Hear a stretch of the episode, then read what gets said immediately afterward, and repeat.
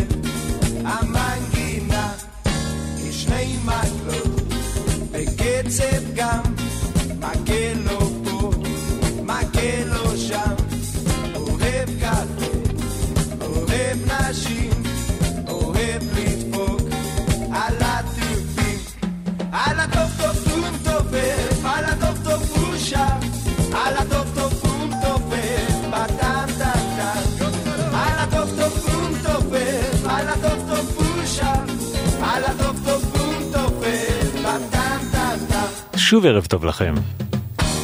ברוכים הבאים לחלק השני של הפרק הראשון של סדרת המתופפים הגדולים שלנו כאן בגימל, שידור חי. שיר אייזק עוזרת בהפקה, עידן גבריאל עורך ומגיש כאן איתכם באולפן. את השעה הקודמת הקדשנו לאלון הלל, את השעה הזאת נקדיש למאיר ישראל האגדי שניגן באלפים רבים של שירים משנות ה-60 ועד היום.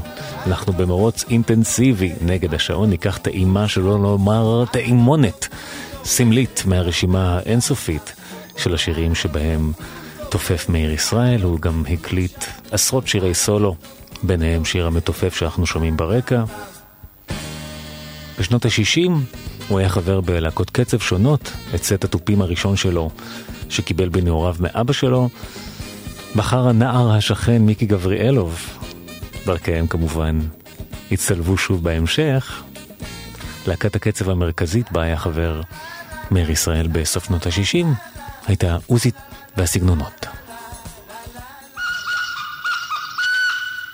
היה לנו את השיר רכבת הבוקר, שהגיע באיזושהי צורה ללונדון, ואיזה מפיק שם, של, שהוא היה מפיק של כל להקות הרוק אנד רול שהיו אז, כולל הביטלס. מה שקרה זה, שהשיר הזה הגיע ללונדון, למפיק הזה, והם מאוד אהבו את זה, והוציאו את השיר כדי-ג'יי כזה, והפך ל... נכנס למצעד הפזמונים האנגלי. היום אם אתה מסתכל, הרי יש את מצעדי פזמונים אנגלים, מישהו הראה לי את זה לפני שנה וחצי או שנתיים, הוא הלך למצעדי הפזמונים של אז, וכתוב Uzi and the Styles, Morning Train.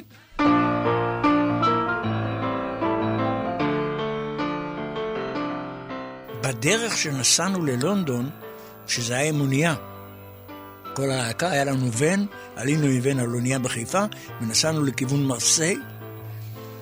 בדרך, אה, הייתה שם, אה, באונייה יש תזמורת.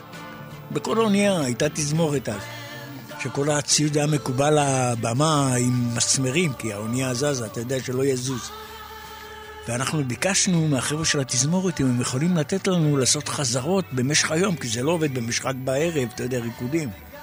במשך היום, ואם אנחנו יכולים לעשות חזרות ככה במשך היום, לנגן קצת וזה, אמרו כן, בכיף. ושם אייב אורצ'ובר כתב את Friends על האונייה. כלומר, Friends עוד לא היה כשהיינו בלונדון, מוקלט לא היה. אפילו אני צילמתי את זה, את הרגע הזה שהוא כתב תמונה, כאילו, שרואים שם שהוא על הפסנתר ומנגן את זה. ואז הגענו ללונדון, היינו בלונדון איזה שלושה חודשים, וזה, זה סיפור בפני עצמו, אני לא אכנס לזה. וכשחזרנו לארץ, אז הקלטנו את פרנדס.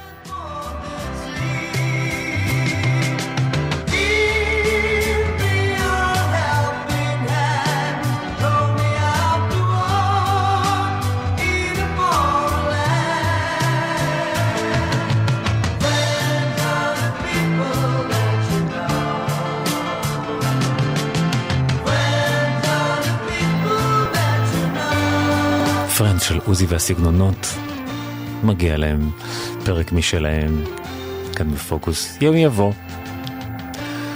אחרי השהות הקצרה בלונדון, מאיר ישראל חוזר לארץ בשביל להתחתן עם אהובת נעוריו ריקי. הם נשואים באושר עד היום. בתחילת שנות ה-70 הוא מקבל פנייה ראשונה מקובי אושרת, שגם הוא היה בתחילת דרכו, רגע לפני הלהיט הגדול הראשון שלו. יום אחד בא אליי קובי, אומר לי, הוא לא הכרנו. אתה מוכן לבוא להקליט איתנו? אמרתי לו, מה אתם עושים? איזה חומרים וזה? הוא אומר לי, אני אשמיע לך וזה, והוא השמיע לי. הבנתי שהוא בא מהתחום של הרוקנרול, אתה יודע, הוא לא, הוא לא מנותק, אמנם פופיסט, אבל מהתחום של הרוקנרול. ואז אה, קבענו חזרות, ועשינו חזרות, הוא וקובי רכט, ואני, שלושתנו, באיזשהו מקום, באיזה... ועשינו חזרות, וזה היה ממש אחלה, מאוד נהנינו, גם הם, גם אני. כן. וכך התחיל בעצם הרומן שלי עם קובי. למה עכשיו, דווקא כשטוב לי, את כל כך משונה?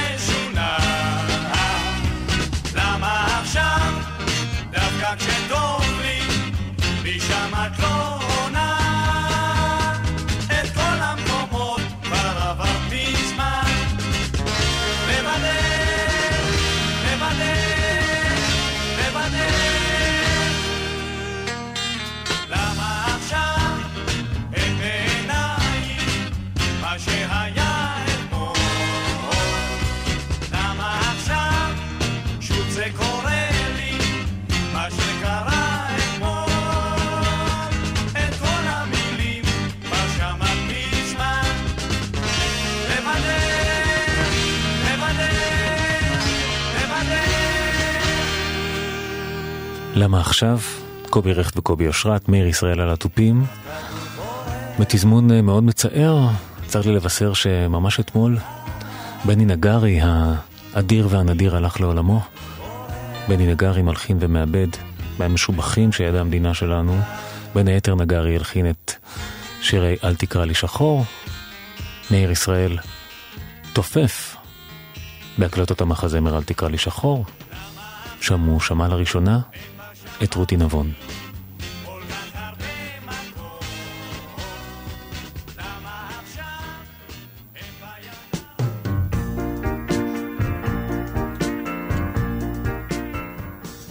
הקלטתי את כל השירים של המחזמר. אז עוזי הזמין אותי לבוא לראות את ההופעה. והגעתי איזה יום, אני לא זוכר איזה אולם בתל אביב, ובאתי לראות את ההופעה. באתי לראות את עוזי. ופתאום היא עלתה על הבמה והתחילה לשיר, ואמרנו, מה זה הדבר הזה? מה זה? מי זו הזמרת הזאת? אתה יודע, וזו הייתה פעם ראשונה שראיתי אותה, באמת הייתה זמרת מדהימה. באמת, לא הייתה כזאת זמרת בארץ. ומתוך ההיכרות הזאת ככה, אני לא זוכר איך, אה, דרך קובי. קובי עשה לה את ההקלטות, ואני כבר עם קובי הייתי, אתה יודע. וזהו, ועשינו, אני זוכר, זה, זה הוקלט, אם אני לא טועה, בטריטון, ושם עשינו את האלבום, ואני זוכר, זה היה fun אחד גדול. חשמל זורם בכפות ידיך,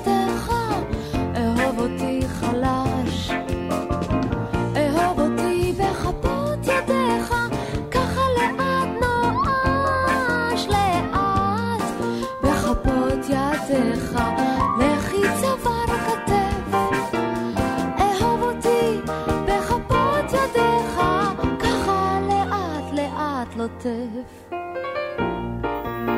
חשמל בכפות ידיך, רותי נבון, מאיר ישראל הגדול על התופים, אנחנו מקדישים לו את השעה הזאת כאן בפוקוס, המתופפים הגדולים.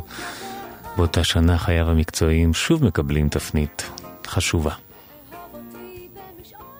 בתחילת 74, מיק גברלוב מצלצל אליי ואומר לי, תשמע, אריק ואני רוצים שתבוא לנגן איתנו. אמרתי, בטח שאני אבוא. כשהתחלנו כבר את ההופעות אחרי החזרות, להקת חימום היו מורכבים משלום חנוך, אריאל זילבר ועוד אחד בשם אדם ניגן בס. הוא לא היה ישראלי. הקהל רוצה להעיף אותם מהבמה. צועק להם, אריק, אריק, אריק, באמצע ההופעה שלהם צועק להם, אריק, אריק, תביאו את אריק. זה ביאס אותם לאללה. הופעה ראשונה, שנייה, שלישית, רביעית, אה, כבר לא יכלו יותר, אתה יודע, כל הזמן הקהל, אתה יודע, כמעט העיפו להם עגבניות, אוקיי? זה כמעט הגיע למצב כזה. רצו את אריק, לא רצו לשמוע אותם. ואז בהופעה הרביעית, חמישית, אני לא יודע מה, אריל ושלום באים אליי. אני ניגנתי עם אריק, כן? היינו גם חבורים כבר, אתה יודע. באים אליי ואמרו לי, תגיד לי, אתה מוכן לנגן איתנו בחלק הראשון בחימום? כי אולי אם יהיה לנו תופים, הם לא יצעקו אריק כל הזמן. יהיה כאילו יותר קצב וזה, כי זה לא אנמי יהיה, יהיה קצת יותר חי.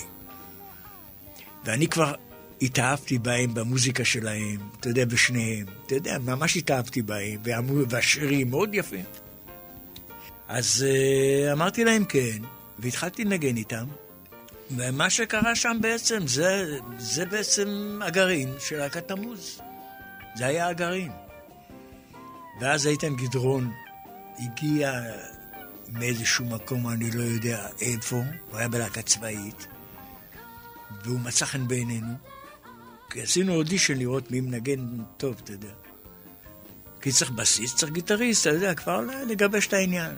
בא איתן, ואמרנו לו, אחלה, בוא תישאר וזה, ואיתן אמר, יש לי גיטריסט, אחלה גיטריסט, חבר שלי, שמנגן איתי בלהקה צבאית, שהם השתחררו כבר. יהודה עדר. ואני, אכפת לכם אם אני אביא אותו, תבדקו, וזה, אמרנו, תביא. הביא את יהודה, היה אחלה, נשאר. ואריק יום אחד, בחזרות, פותח את הדלת, בוקר טוב, חבר'ה, יש לי שם בשבילכם. מה? להקת תמוז.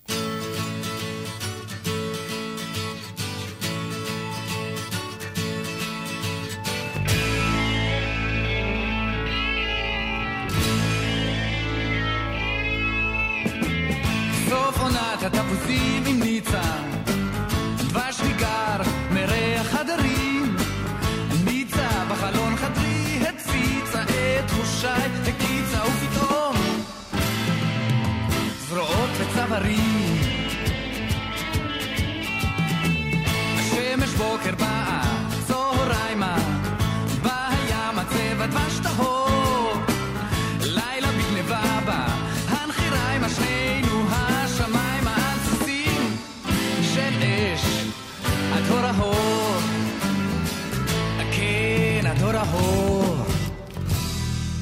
סוף עונת התפוזים, סוף עונת התפוזים של תמוז.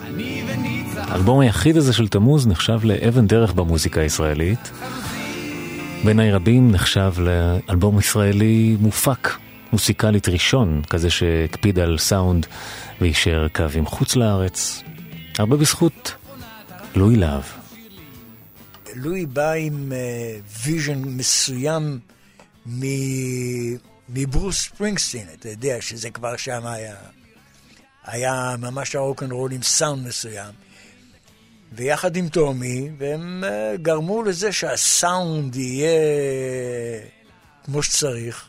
פתאום התחלפו כל מיני עיבודים וכאלה וזה, אבל אני מאוד נהניתי, כי פתאום הוא לקח ושם את, את כל הרוקנרול על השולחן, אתה יודע, הביא את זה, ואני בא משם, אתה יודע, לא באתי ממשהו אחר, באתי מרוקנרול.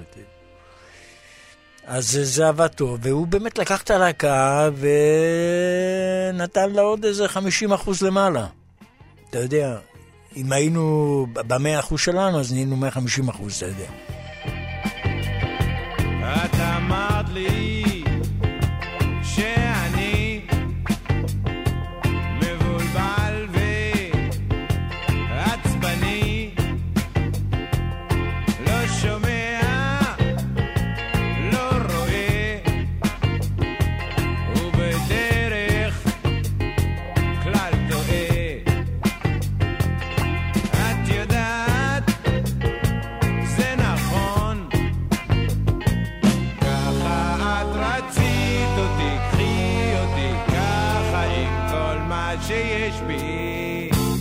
ככה את רצית אותי, תמוז, מתוך סוף עונת התפוזים. כאן בפוקוס מאיר ישראל, למקרה שעדיין לא שמתם לב כמה האיש הזה ורסטילי, שימו לב לפנייה הבאה, החדה, שהוא לוקח בשנת 77. תראה, קודם כל יש ארץ טרופית יפה, אוקיי? ארץ טרופית יפה, שיש אה, תוכנית, יש טלוויזיה מצולמת של כל ההופעה הזאת בבור חיל, בקיבוץ בור חיל. כן. וגם האלבום עצמו, אתה יודע, שעשינו. כן, זה היה, תראה, זו הייתה אווירה פנטסטית, זה עשינו את הפרויקט הזה, זה כמובן מתי כספי שהיה אחראי על כל הדבר הזה. אראלי ניגן תופים, אני ניגנתי כלי הקשה בעצם. והייתה אווירה, תשמע, זו הייתה אווירה כאילו אנחנו נמצאים ב... אני לא יודע. וזה משהו ורוד ויפה ונעים וכיפי וזה, וכולם שמחים וצוחקים ורוקדים וזה, את האמת, אני מאוד נהניתי מכל האווירה הזאת, ממש היה כיף. יש לי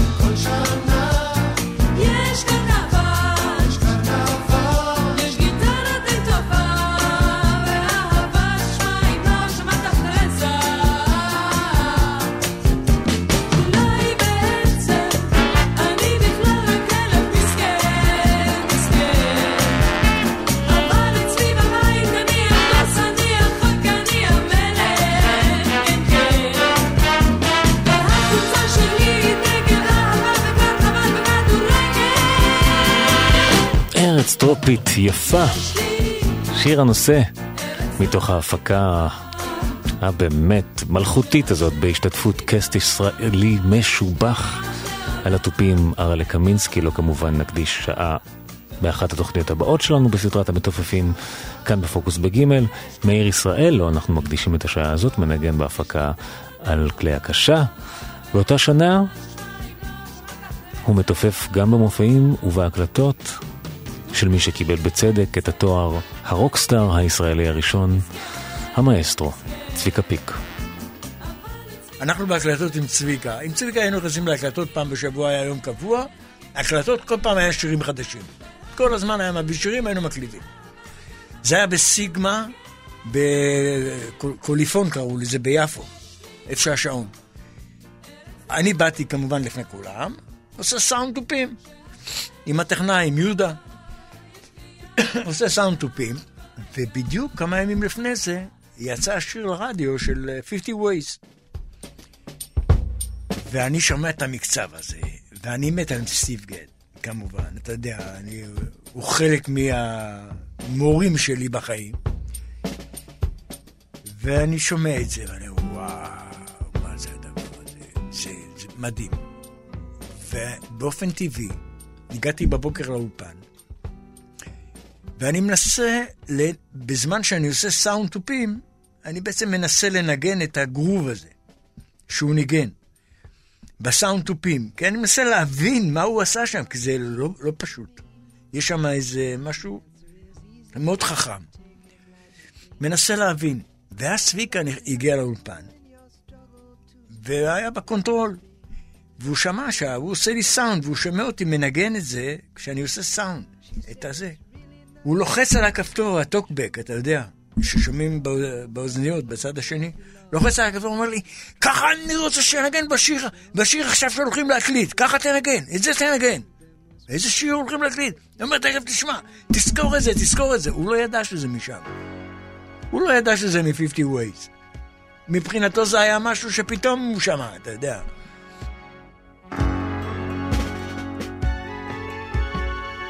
מת אב ומת אלול ומת חומם גם נאסף תשרי ומת עמם רק נשארה גחלת עמומה של אהבת הקיץ הקדומה, של אהבת הקיץ הקדומה. אל מערת דוד, השונמית, תצמיד את ירחיה הקרות, אל חום האבנים שעל קברו, אל חום האבנים שעל קברו. מת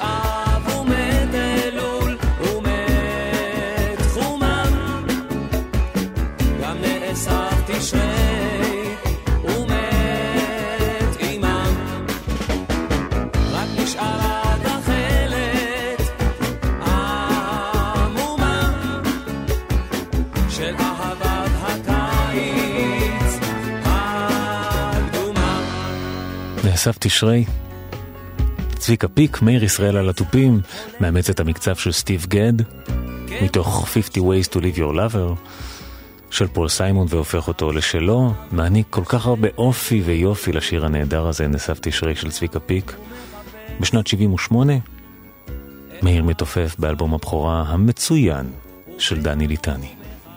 אני זוכר שעבדנו, עשינו חזרות אצל אה, דני בבית, באמצע הסלון, שטיח גדול, ושם עשינו חזרות, אתה יודע, עם הכלים, עם הכל. וזה היה כיף, הכל היה, כל השירים, הכל היה גרובי, גרובי, הכל גרוב, גרוב, גרוב, ואני, אתה יודע, אנחנו אז בזמנו, אריק רודיך ואני, כל הזמן היינו, אני זוכר, כל הזמן היינו צועקים, חבר'ה, גרוב, גרוב, גרוב, ולא היו מבינים אותנו, לא הבינו מה דיברנו, אלונה טורי למשל, גם.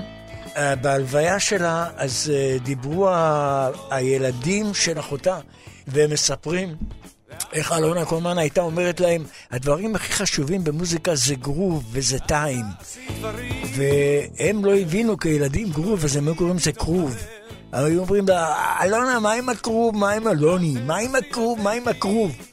אבל זה היה הגרוב, הגרוב הזה והטיים, טיים זה, אתה יודע, לנגן בטיים, לנגן. אנחנו באנו עם טיים וגרוב, זה היה הבסיס של הנגינה שלנו. תמיד אני אומר, גם במקומות שאנחנו בתוך שירים, אנחנו היו מקליטים, אז לא היה קליק. היה שיר שמקליטים, ופתאום יש בתוך השיר איזה קטע שלא מנגנים בו, שקט. הגרוב היה באוויר. כל הזמן הגרוב היה שם, כולנו רקדנו את השקט שלא ניגענו. וכשהמשכנו, נכנסנו לנגן בחזרה, כבר היינו בתוך הגרוב הזה, אתה יודע. אז היה הכל גרוב והכל זה. והיינו צועקים ולא היו מבינים, לא היו מבינים מה זה, לא הבינו. אה, היום ברוך השם מבינים מה זה גרוב, מה זה טיים, אתה יודע, כל מיני דברים שאז לא היו בכלל בלקסיקון. ואני זוכר שזה היה כזה פאן, איזה כיף, והשיר הזה יחס חם, זה מדהים, מה? אז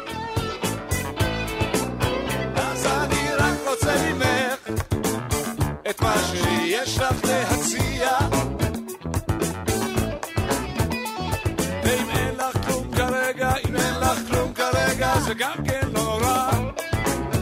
זה לא נורא. שום דבר עוד לא קרה.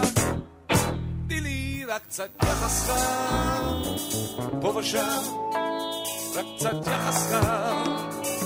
פה ושם, כן, יחס חם, פה ושם, קצת יחס חם, פה ושם. יחס חם של דני ליטני, כאן בפוקוס מאיר ישראל בגימל. אני נורא. משתדל אה, לחסוך מכם עניינים טכניים של מתופפים, אבל בואו תהיו איתי רגע. לפני שנשמע את מאיר נזכר בשיר הבא, רק נתעכב לרגע על המושג קליק, שמאיר הזכיר קודם כשדיבר על יחס חם, זה פשוט רלוונטי וחשוב. קליק, כשמו כן הוא, הוא בעצם מטרונום. טק, טק, טק, טק, שמסיים לנגן, שמסמן, סליחה, לנגן את הקצב. הקליק מאוד עוזר אחר כך בעריכה, מכיוון שהוא אוניברסלי ואחיד. זה אומר שנגנים לא צריכים לנגן ביחד, אלא יכולים להיכנס לאולפן לא באותו יום וגם לא באותו שבוע. אתם מבינים כבר לבד שבימים שלפני הקליק הנגינה יחד הייתה חלק מהעניין וחלק מהתוצאה.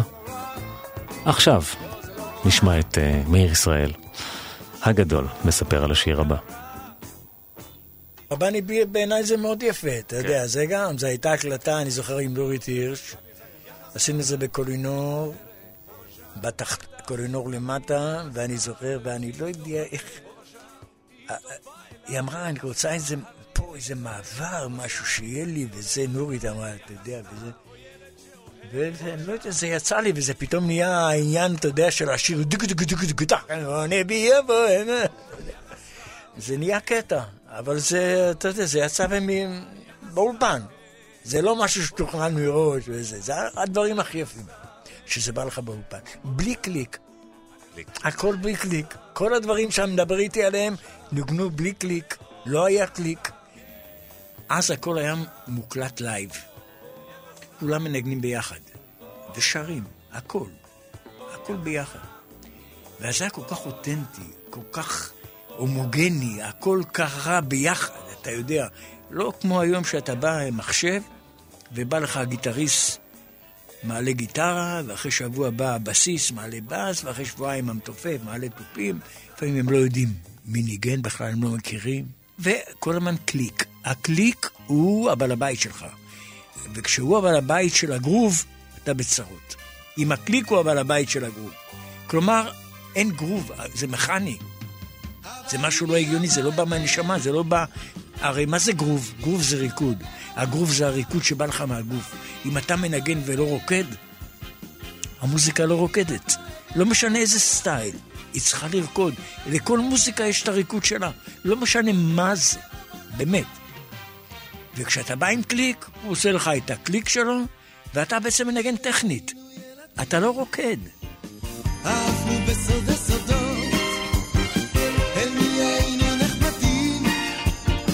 רק לדודים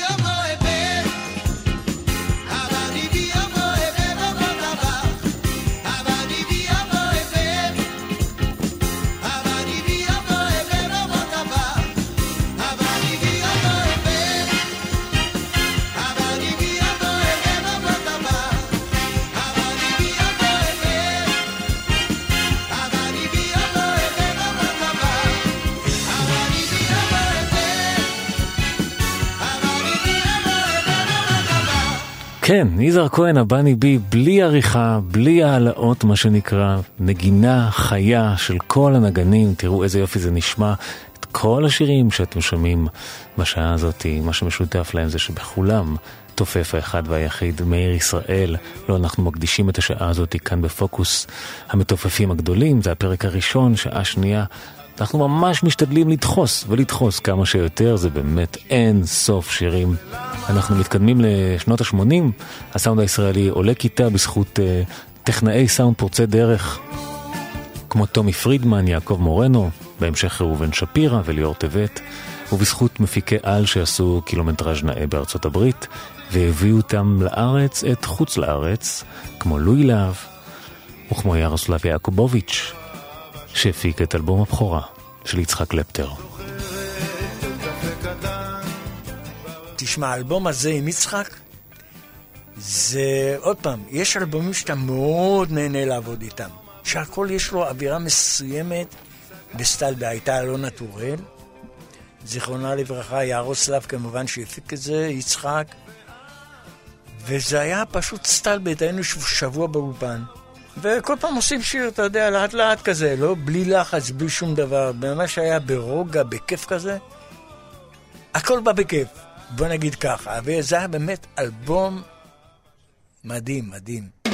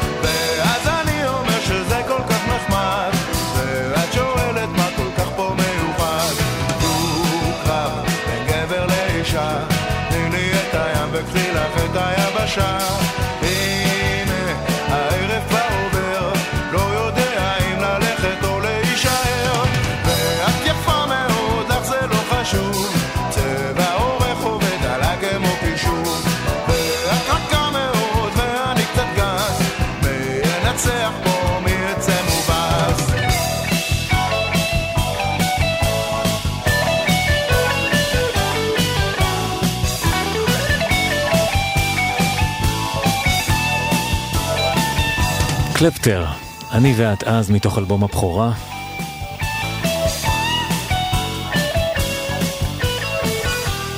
באותה תקופה, מאיר ישראל מתופף לתפארת בעוד אלבום ישראלי משובח במיוחד. עוד אלבום שאני מאוד חושב שהוא מיוחד במינו זה של uh, אבנר קנר, מזי כהן ויואל לרנר, פרמיירה. בואנה, זה אלבום ענק, יש שם דברים, מבחינת נגינה, נגינה, אתה יודע, ניגענו שם מדהים, באמת, באמת ניגענו מדהים. אבל שם קיבלנו, אה, זה כאילו, באו אלינו הביתה ואכלו את האוכל שלנו. אתה יודע מה אני מתכוון? ואז האוכל שלנו טעים. אתה יודע, כשאתה אוכל את האוכל שלך, הוא טעים לך. אז באו אלינו ואכלו את האוכל שלנו. אותו דבר זה בתקליטים האלה, באנו אליהם, אבל אכלנו את האוכל שלנו, אתה מבין? בתוך האלבום הזה. וכי הרבה פעמים, אתה יודע, אתה בא ואתה מנגן אה, דברים, כתוב לך, או מה, אתה יודע, אתה... כן. דברים שאתה מנגן אותם. אתה מנגן אותם הכי טוב שאתה יכול. אבל זה לא בדיוק אה, ה cup of tea שלך, שאתה... שם זורם לך ה groove וה time וכל הדברים האלה. אז זהו. כמה מילים על מזי כהן כזמרת? על מה זה? חבל על הזמן. היא מעצבנת אותי שהיא לא באה להופיע. אני מת, מת לעשות איתה משהו. כל פעם אני אומר, יאללה, אין פרמיירה על הבמה, פרמיירה על הבמה. אין עם מי לדבר, אני מת לעשות את זה, מת.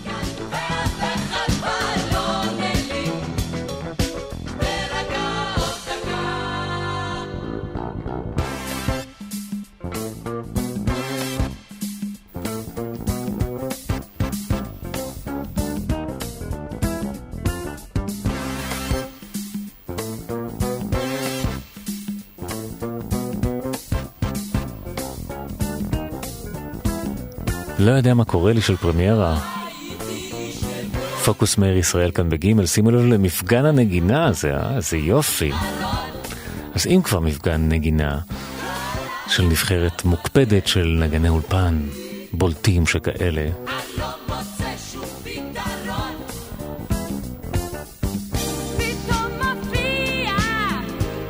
נמשיך לעוד אלבום שבו מנגן מאיר. באותה תקופה, אלבום התעוררות של שם טוב לוי. בשלב החזרות, שגם הייתה אלונה טורל, ואם אני לא טועה מיקי שביב, אני לא בטוח. אה, ומורדי פרבר, היה לנו איזה... הגענו לאיזשהו כסח ב... ב... בתוך העבודה, שהכסח הזה הביא אחר כך את הרגיעה. ומתוך הרגיעה יצא מה שיצא. שזה אין מה לדבר, זה בעיניי יש שם באמת נגינה פנטסטית, יש שם מוזיקה מדהימה של שמי שכתב, ושמי בפני עצמו מוזיקאי ענק בעיניי, ואיך שהוא מנגן את החליל שלו, אני מאוד אוהב אותו. אז הייתה שם איזו מלחמונת קטנה, ומשם נהיה שלום ונהייתה מוזיקה, והכל, הדשא פרח, העצים פרחו, הפירות גדלו על העצים, וזה מה שיצא מהאלבום הזה המדהים, באמת מדהים. או, הנה בוקר בא, לא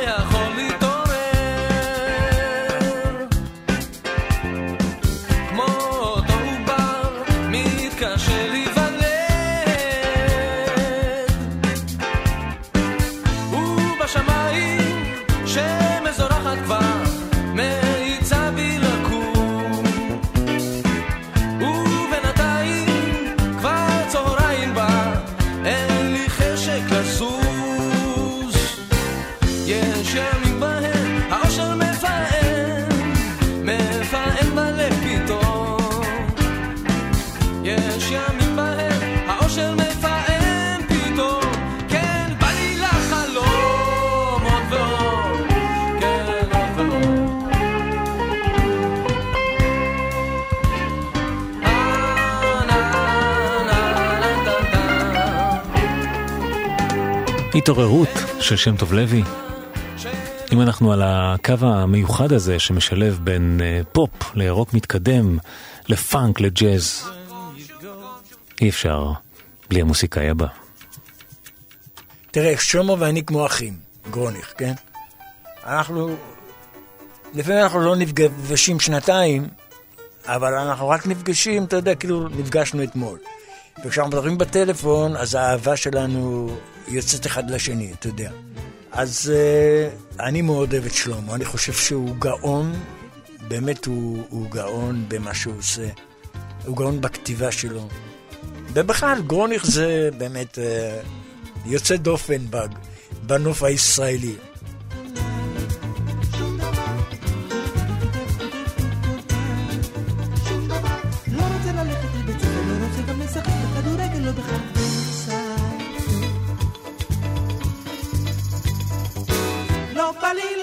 לשום מקום. לא בא לי ללכת לשום מקום. ולא בא לי גם להישאר. כי תכף מתחיל סיפור אחר. לא בא לי ללכת לשום מקום. לא בא לי ללכת לשום מקום, ולא בא לי גם להישאר, כי תכף מתחיל סיפור אחר. שום מקום של שלמה גרוניך, מתוך צמר גפן מתוק, מאיר ישראל על התופים. אנחנו לא, באמת אה, משתדלים להספיק, אבל אי אפשר, פשוט לאורך כל אותן שנים, מאיר ממשיך לנגן עם אריק איינשטיין האחד והיחיד. אתה יודע, יש לי מופע שאני קורא לו נותן ברוק, ובמופע הזה אני מספר סיפורים בין כל השירים האלה הגדולים, שאחד מהם זה אהוב גוזל, שזה השיר האחרון של הערב, וזה השיר היחידי שאני שר אותו. אז אני מוכן לספר לך את הסיפור. אוקיי, אז באחת ההקלטות, המיני רבות, עשיתי עם אריק איזה 20 אלבומים, אם לא יותר, אני לא יודע. כל הזמן, כל הזמן היינו בעשייה, כל הזמן הקלטנו, הקלטנו, הקלטנו, אתה יודע, בלי סוף. והגענו לאולפן, ואני, כן, עשיתי בלנס תופים, טומי פרידמן היה טכנאי, זיכרונו לברכה, או מורנו היה, אבל טומי גם היה שם. הוא היה בעל הבית של אולפני טריטון. והגיעו לאט לאט כל החבר'ה, תופף תמיד מגיע ראשון, כי יש לו לעשות סאונד וזה, לאחרים זה יותר מהר. ואז אני יושב ככה על התופים, ומולי יושב על סטול אריק, ויושב על סטול מיקי, גבריאלו. הם ככה יושבים מולי, וכל החבר'ה שם יושבים, כל החבר'ה, אתה יודע, אנחנו יושבים, אני ישבתי על הכיסא תופים, כי זה היה במקרה לידי. ומיקי מתחיל לנגן מטוב קוזל, ואריק מתחיל לשיר, ואני מתחיל לבכות. זה גם כי הבנות שלי היו בגיל, אה, אתה יודע, כזה שעוד מעט הבנתי שהם יעזרו את הבית ונשאר בלעדיהן, וזה מאוד ריגש אותי. ואז בקטע של ההקלטה עצמה,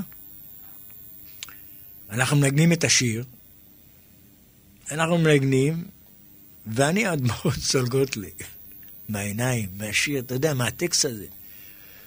יש שם את הבית השני שתמיד דיבר אליי, תמיד ידעתי שיבוא היום שבו צריך להיפרד, אבל עכשיו זה ככה בא לי פתאום, אז מה הפלא שאני קצת דואג? זה תם... הדבר הזה נכנס בי בזה. וזה היה אהוב גוזל, ועד היום זה הולך איתי אהוב גוזל הזה, לכל מקום שאני הולך איתו. אז היום זה הגוזלים הנכדים כבר, אתה יודע, הם הפכו להיות הגוזלים.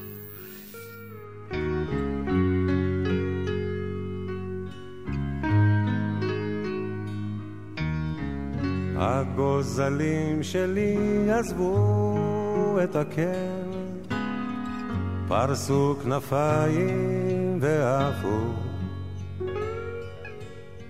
ואני ציפור זקנה נשארתי בקן, מקווה מאוד שהכל יהיה בסדר.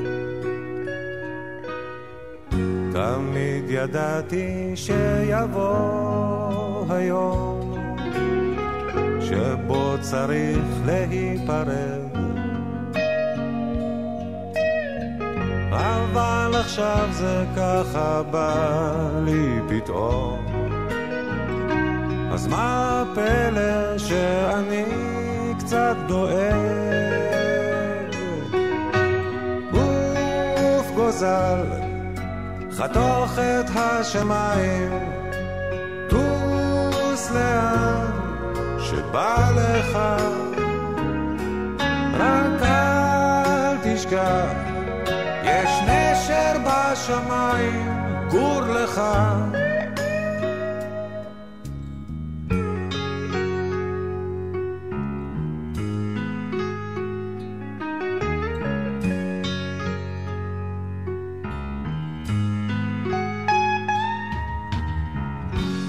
עכשיו נשארנו לבדנו בקן, אבל אנחנו ביחד. חבקי אותי חזק, תגידי לי כן. אל תדאגי, ביחד כיף להזדקן. עוף גוזל חתוך את השמיים, טוס לאן שבא לך, רק אל תשכח, יש נשר בשמיים, גור לך. אני יודע שככה זה בטבע וגם אני עזבתי, כן. אבל עכשיו, כשבא הרגע, אז מחניק קצת בגרון,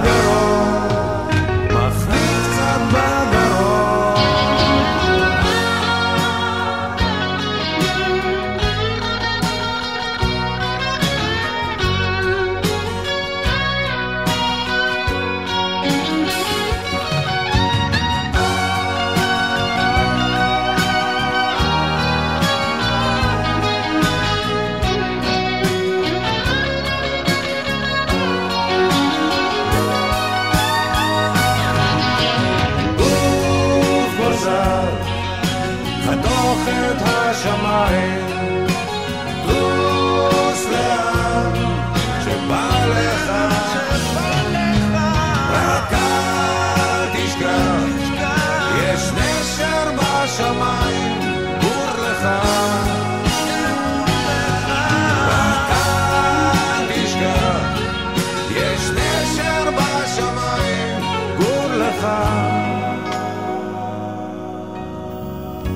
ובגוזל, איזה אנסמבל של נגנים זה יוני רכטר על הקלידים. זה יצחק קלפטר בסול הגיטרה הבלתי נשכח הזה. מיקי גבריאלוב גם מנגן בגיטרות. וכמובן מאיר ישראל הגדול על התופים, כמו כל השירים שאנחנו שומעים בשעה הזאתי. כמה כיף לנו, אה? איזה כיף. באותה התקופה, מאיר מנגן גם עם נורית גלרון במופע שגם תועד על גבי אחד מאלבומי ההופעה הייחודיים ביותר שאי פעם יצאו כאן.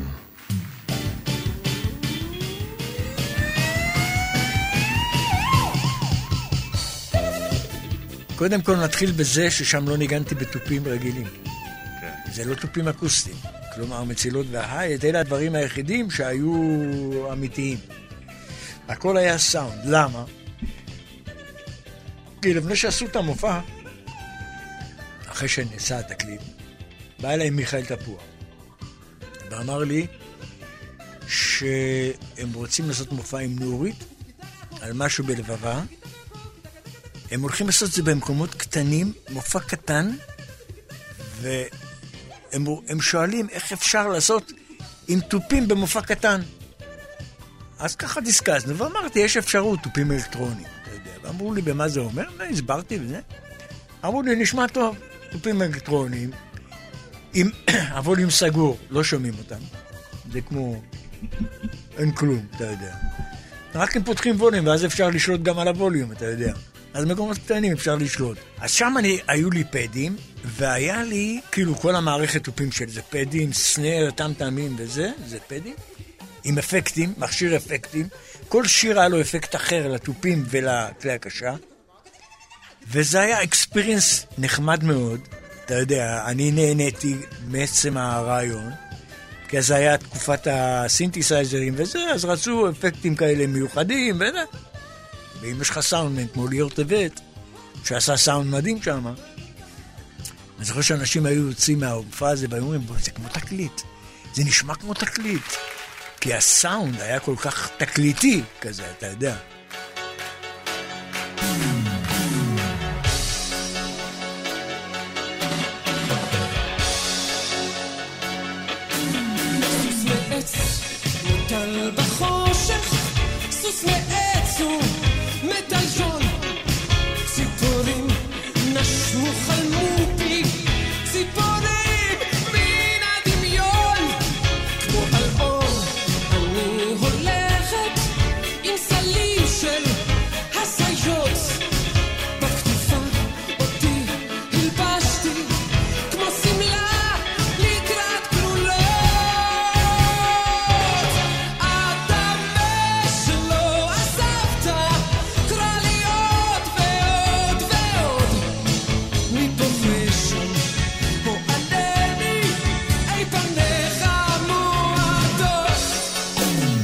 סוס מעץ, הטמטמים האלקטרונים האלה, גרסת ההופעה האנרגטית. מאיר ישראל משלב תופים אלקטרונים ותופים חיים. אנחנו מגיעים לסופה של השעה האינטנסיבית הזאת, שהקדשנו למאיר ישראל האחד והיחיד כאן בפרק א' של סדרת המתופפים הגדולים שלנו בגימל. תודה לשיר אייזק שעזרה בהפקה.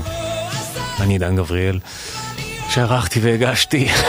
אני עם הלשון בחוץ, הייתי רוצה שיהיו לנו עוד ארבע שעות לפחות לכל אחד משני המתופפים האדירים שהערכנו כאן בתוכנית. שעה ראשונה של אלון הלל, השעה הזאת של מאיר ישראל.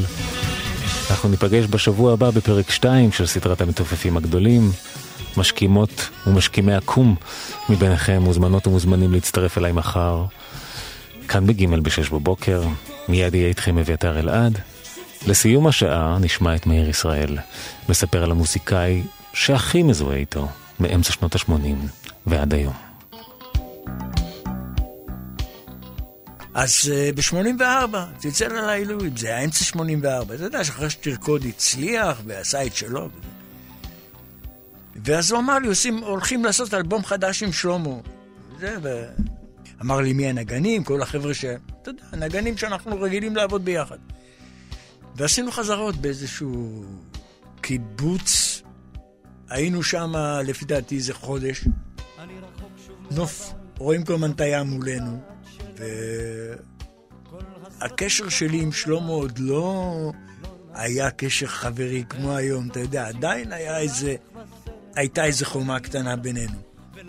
כל אחד עם העניינים שלו, אתה יודע, כל אחד הוא פרסונה בפני עצמו. ויצא אלבום מפתיע, לילה לא שקט הזה, יצא אחלה אלבום. זה היה עם שלמה, אתה יודע, וזה, אתה רואה עד היום, מה זה 35 שנה, אני חושב, לא? אנחנו, אתה יודע, גם במשך הזמן משתנים, מתבגרים, אה, עוברים הרבה דברים ביחד, וזה מקשר, וזה מחבר. ועל הבמה, אתה יודע, שפתאום קורה משהו, אה, תראה, הוא בגדול, הגדולה שלו, זה שהוא מאלתרן גדול. הוא אוהב לאלתר. הוא עולה לבמה, אנחנו לא יודעים איזה שיעור מתחיל. הוא גם לא יודע. מחליטים את זה לפעמים, אתה יודע, עומדים לפני שנכנסים לבמה, יאללה, נתחיל עם זה היום. אתה יודע, כאלה דברים. אז ברור שלא יודעים מה השיר השני, השלישי, הרביעי, לא יודעים בכלל לאן זה הולך. לא יודעים כלום. אז אתה יודע, זה אני, בתוך ההופעה קורים הדברים האלה שפתאום החיוך הזה שאנחנו נהנים, אתה יודע, מרחוק אפילו, אתה רואה את החיוך אחד עם השני, שזה, הנה, אה, אנחנו בתוך זה, זה יפה. אז כן, והוא, אתה יודע, הוא, הוא זמר ענק, באמת. פשוט שר כאילו אתמול הוא התחיל. ממש, זה, זה משהו מדהים. ואתם רוקים והתחת שיזו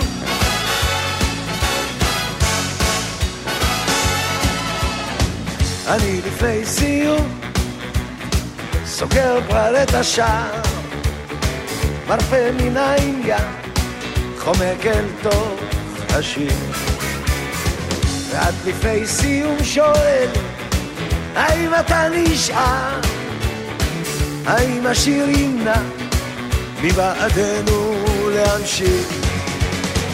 לא עוזב את העיר, אני אומר לך עבור אף אחד. אנחנו שניים תמיד, בינינו אלוהים אחד. ואת תבורי כמו שתיקה דקה, וכך או כך, לא עוזב גם אותה. ואחר כך משום של מעלת חלק והרדיו מעודד רק סימני החוף מעוררים בי איזה ספק ואת מתוך סיום את שואלת האם יהיה מדי תגיד לי? אם שנינו נפרוץ פתאום בבכי לא מתאפק. לא עוזר די עבור אף אחד. אנחנו שניים תמיד, בינינו אלוהים אחד. ואת עבורי, את כמו שתיקה דקה, וכך או כך, לא עוזב גם אותה. שמות לפני סיום, אני פתאום מבטיח לך, מתוך איזה חלום זהיר, שנינו נשענים מול ים. תדעי לך שזה כמו למות לפני סיום. סתכלי שם על קו רקיע, מתוחה לה איזו עיר קטנה, עיר קטנה דמוית שרב.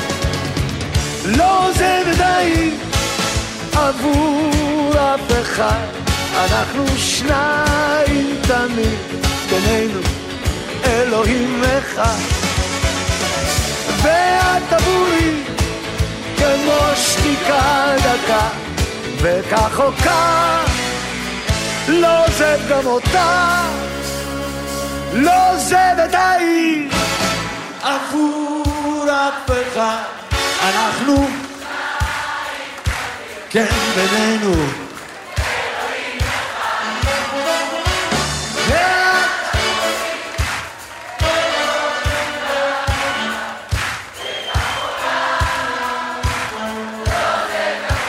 לא אנחנו שניים תמיד, בינינו אלוהים אחד. ותבורי כמו שתיקה דקה, וכך או כך לא עוזב גם אותה.